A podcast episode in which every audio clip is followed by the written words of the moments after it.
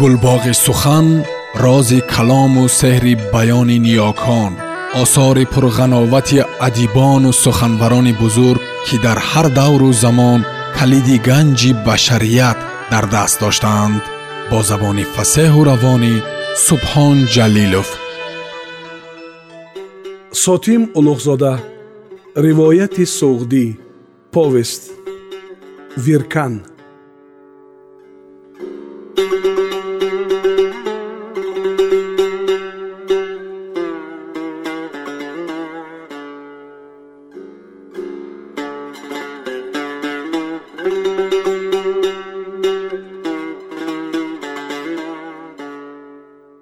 баҳои сулҳ шаҳри бухоро дар пои қалъа ҳамчун дастархони пурнеъмате дар пеши меҳмони болонишин густарда ва дар иҳотаи девори баланд қарор гирифтааст. Дар даруни қалъа боз қалъаи дигаре буд ки кохи ҳукмдорони бухоро бухорхудоотҳо дар вай буд. Ҳафт дарвозаи шаҳристон дар ҳафт ҷониб ба раббаз яъне беруни девори гирдогирди шаҳр ба маҳалҳо бозорҳои берунии шаҳр деҳаҳо ва боғистонҳо боз мешуданд. Ба гирди раббас ҳам девор кашида ва ин девор қариб нисфи ободиҳои вилоятро печонида гирифта буд. Дар арзи садҳо сол мардумоне барои ҳифзи ҷон ва моли худ аз ҳар гуна ҳуҷумҳои ғоратгариву истилогарии берун маҷбур буданд гирдогирди ободиҳои кишварашонро девор бигиранд. Садҳо ҳазор мардум аз насл ба насл дар кашидани деворҳо ва таъмири онҳо меҳнат мекарданд. Меҳнат гарон буд тоқатфарсо буд лекин ғайр аз тоб овардан чора набуд. Амали подшоҳии хотун маликаи бухоро аз бомдод сар мешавад. Ҳар бомдод вай ба муқаррабон надимони худ савора аз қалъа баромада. Ба дами дарвозаи регистон дар саҳна болои зинапоя бар тахт менишинад. Дар пешгоҳи ӯ рӯбарӯи дарвоза дусад ҷавони заринкамари шамширдор ба ду қатор саф кашида ва омодаи хизматанд инҳо бузургзодагон авлоди шоҳон ва моликони деҳаҳо мебошанд. Аз навад рӯстоқ деҳаи калон ё якчанд деҳаи тобеи як маъмурият навад қавми кишвар ҳар қавме ҳар рӯз ин дусад ҷавони волотаборро ба пойтахт ба хизмати малика мефиристонанд. Бо ин тариқ навбати ҳар қавм дар як сол чаҳор бор аст. Дар регистон камкам ҳар тоифа мардуми додхоҳ аҳли ҳоҷат ва инчунин дигар шаҳриёни булҳавас туб мешаванд. Хотун ба ибораи соҳиби ахбор дар кори мулк фикр кардӣ ва амру найҳ мерондӣ ва онро ки хости хилъат додӣ ва онро ки хости уқубат кардӣ ва он ҷавонони заринкамар дар пайи иҷрои фармонҳои ӯ ба ҷон мекӯшиданд аввали тобистони соли 676 дар яке аз рӯзҳо наздики чоштгоҳ хотун дар регистон ба ҳамин тарз машғули фармонравоӣ буд ки ба ногоҳ аз дарвозаи кандиз ё кӯҳандиз ки бо вай аз шаҳр ба ҷониби қалъаи дар беруни шаҳристон воқеъшуда баромада мешуд саворе намудор гашт савор асп тозонда ба наздики дарвозаи қалъа омада худро аз зин бар замин афканд ҷавони навхате буд шитобзада ва гардолуд. Бо ду зону афтида сӯи хотун таъзим ба ҷо овард ва сар бардошта нигоҳ карду як лаҳза ба ដា ҳони во хомӯш истод. Гӯё он чиро бояд мегуфт фаромӯш кард. Лекин дар ҳақиқати амр вай аз ҳусну ҷамоли малика дар ҳайрат монда буд. Ҷавонзани гулгунчеҳраи шаҳлочашми латифандомеро дар пеши назар медид ки бо нимтабассуми хавотиромез ба вай чашм духта буд маро соҳиб яъне молик ё ҳокими фороб фиристод ниҳоят ба забон овард бо овози баланд гуфт ҷавон паре рӯз лашкари гарони арабҳо аз руд гузашт хотун ва атрофиёнаш безобита шуданд аз тудаи мардуми гирдомада ғалоғула бархост дар лаҳзаи дигар шаҳриён ошуфтаву саросема ба ҳар сӯ пароканда шуданд онон ба хонаҳо ва дуконҳои худ мешитофтанд то ки зудтар чизу чораашон колояшон нақдинаашонро пинҳон кунанд. Маросими арзшунавӣ амру най қатъ гардид. Мулозими дарбор ба ҷавонони заринкамар ки дар майдон акнун фақат онҳо монда буданд амри маликаро эълом кард ки ҳоли ҳозир ба деҳаҳои худашон барнагарданд ва дар қалъа истанду мунтазири фармон бошанд малика ба коки худ баргашта ба надимонаш ба машварат нишаст. Вай малул ва парешонхотир буд. Надимонаш ҳам инчунин. Кишвар пас аз тороҷ ва харобкорие ки парер сол убайдуллоҳ бини зиёд дар ин сарзамин ба амал оварда буду. Чандин ҳазор ҷавони онро асир гирифта буд. Ҳанӯз ба худ наёмада буд.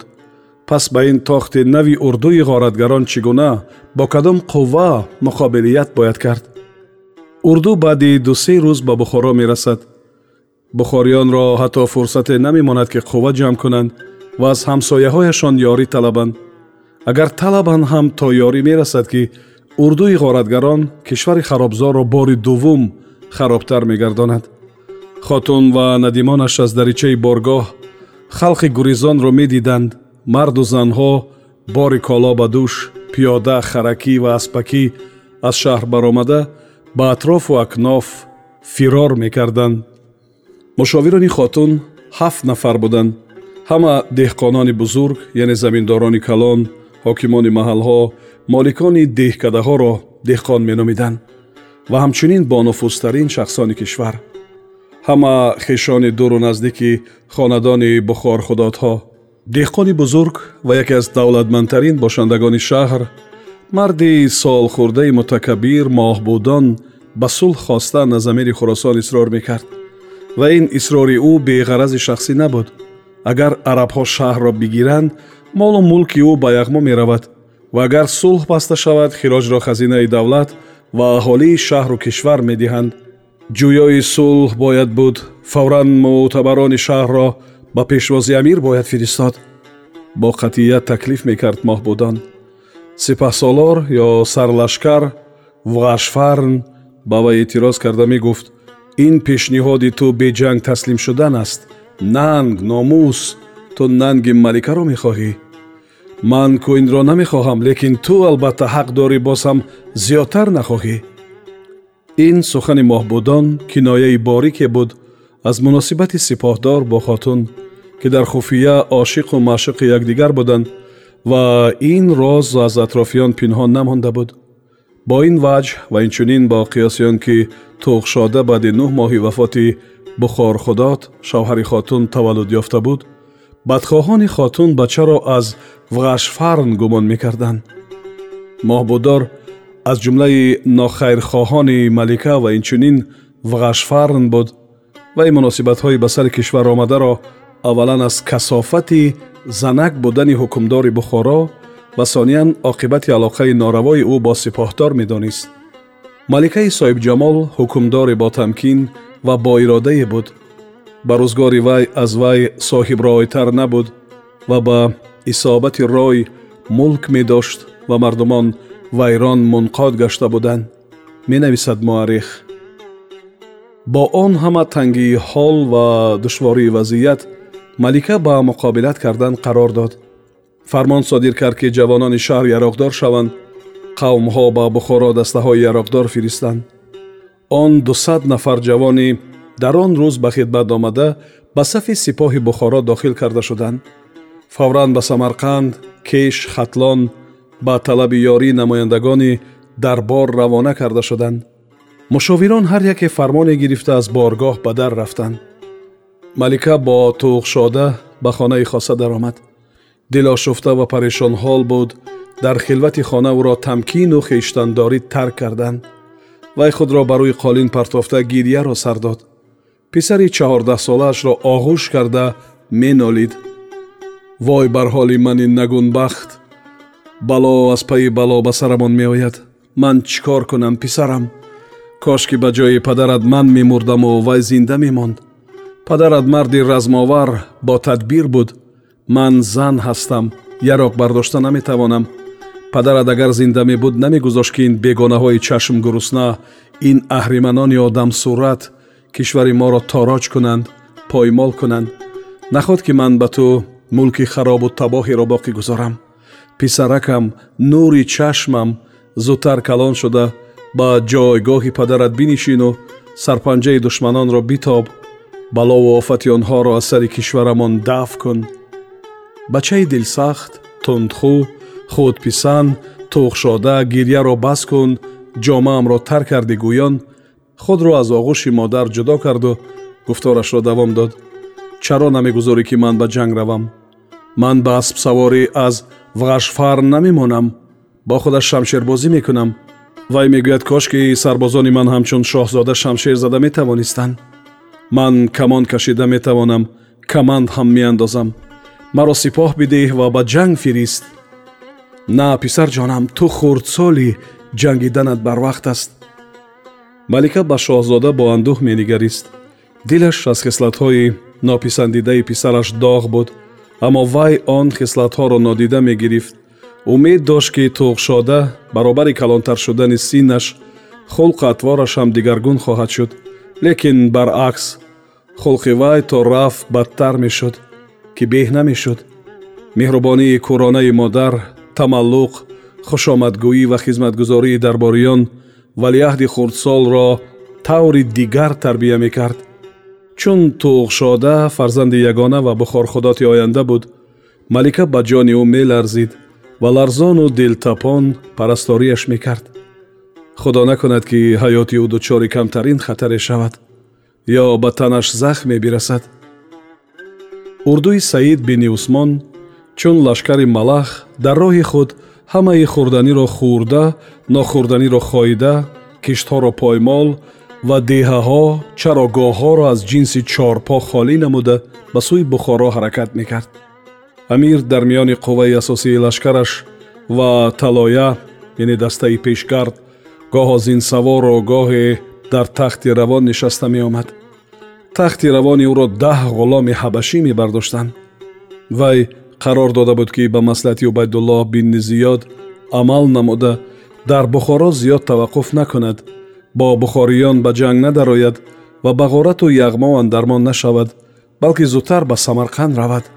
Дар юриши самарқанд вай барои бехатарии пушти лашкараш аз бузургон шоҳзодагони бухоро ягон сад нафарро гаравгон хоҳад гирифт ин ҳам ба қавли маслиҳати убайдуллоҳ бинни зиёд ва мансабдорони собиқаи корозмудаи ӯ буд ки дар тохту тозҳои ғоратгарӣ дар суғди бухоро ҳамрикоби амири худ буданд онҳо боз ба саид гуфта буданд ту пойтахти ихшидро ки гирифтӣ бухоро ва инчунин дигар шаҳрҳои мовароу наҳр худ аз худ таслим хоҳанд шуд агар ту ба ҷангу муҳосилаи бухоро машғул шавӣ мабод ки ихшид дигар моликони мовароу наҳр ва шояд туркон ҳам сипоҳ гирд оваранд ва балки ба мадади бухоро оянд ва ту дар ин ҷанг андармон шуда фурсати ғаниматро аз даст диҳӣ.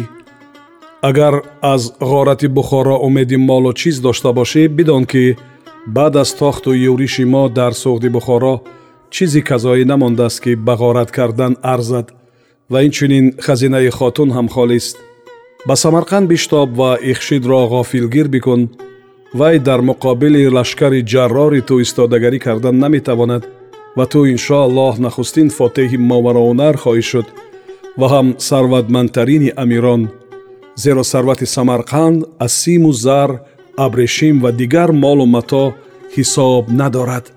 Ин маслиҳатҳо дар дили саид бини усмон ҳирси ҷоҳу молро ба ҷӯш оварда буданд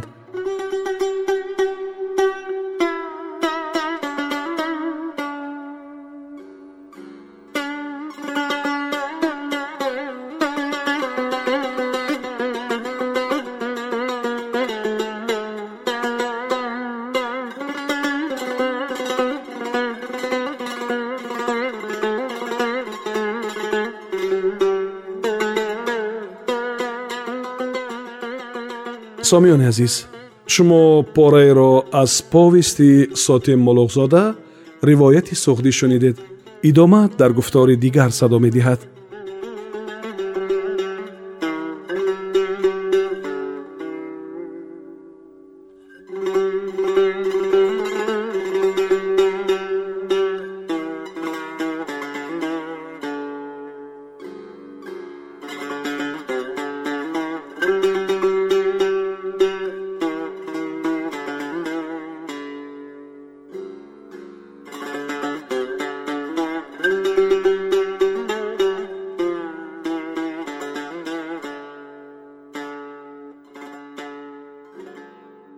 гулбоғи сухан рози калому сеҳри баёни ниёкон осори пурғановати адибону суханбарони бузург ки дар ҳар давру замон калиди ганҷи башарият дар даст доштаанд бо забони фасеҳу равонӣ субҳон ҷалилов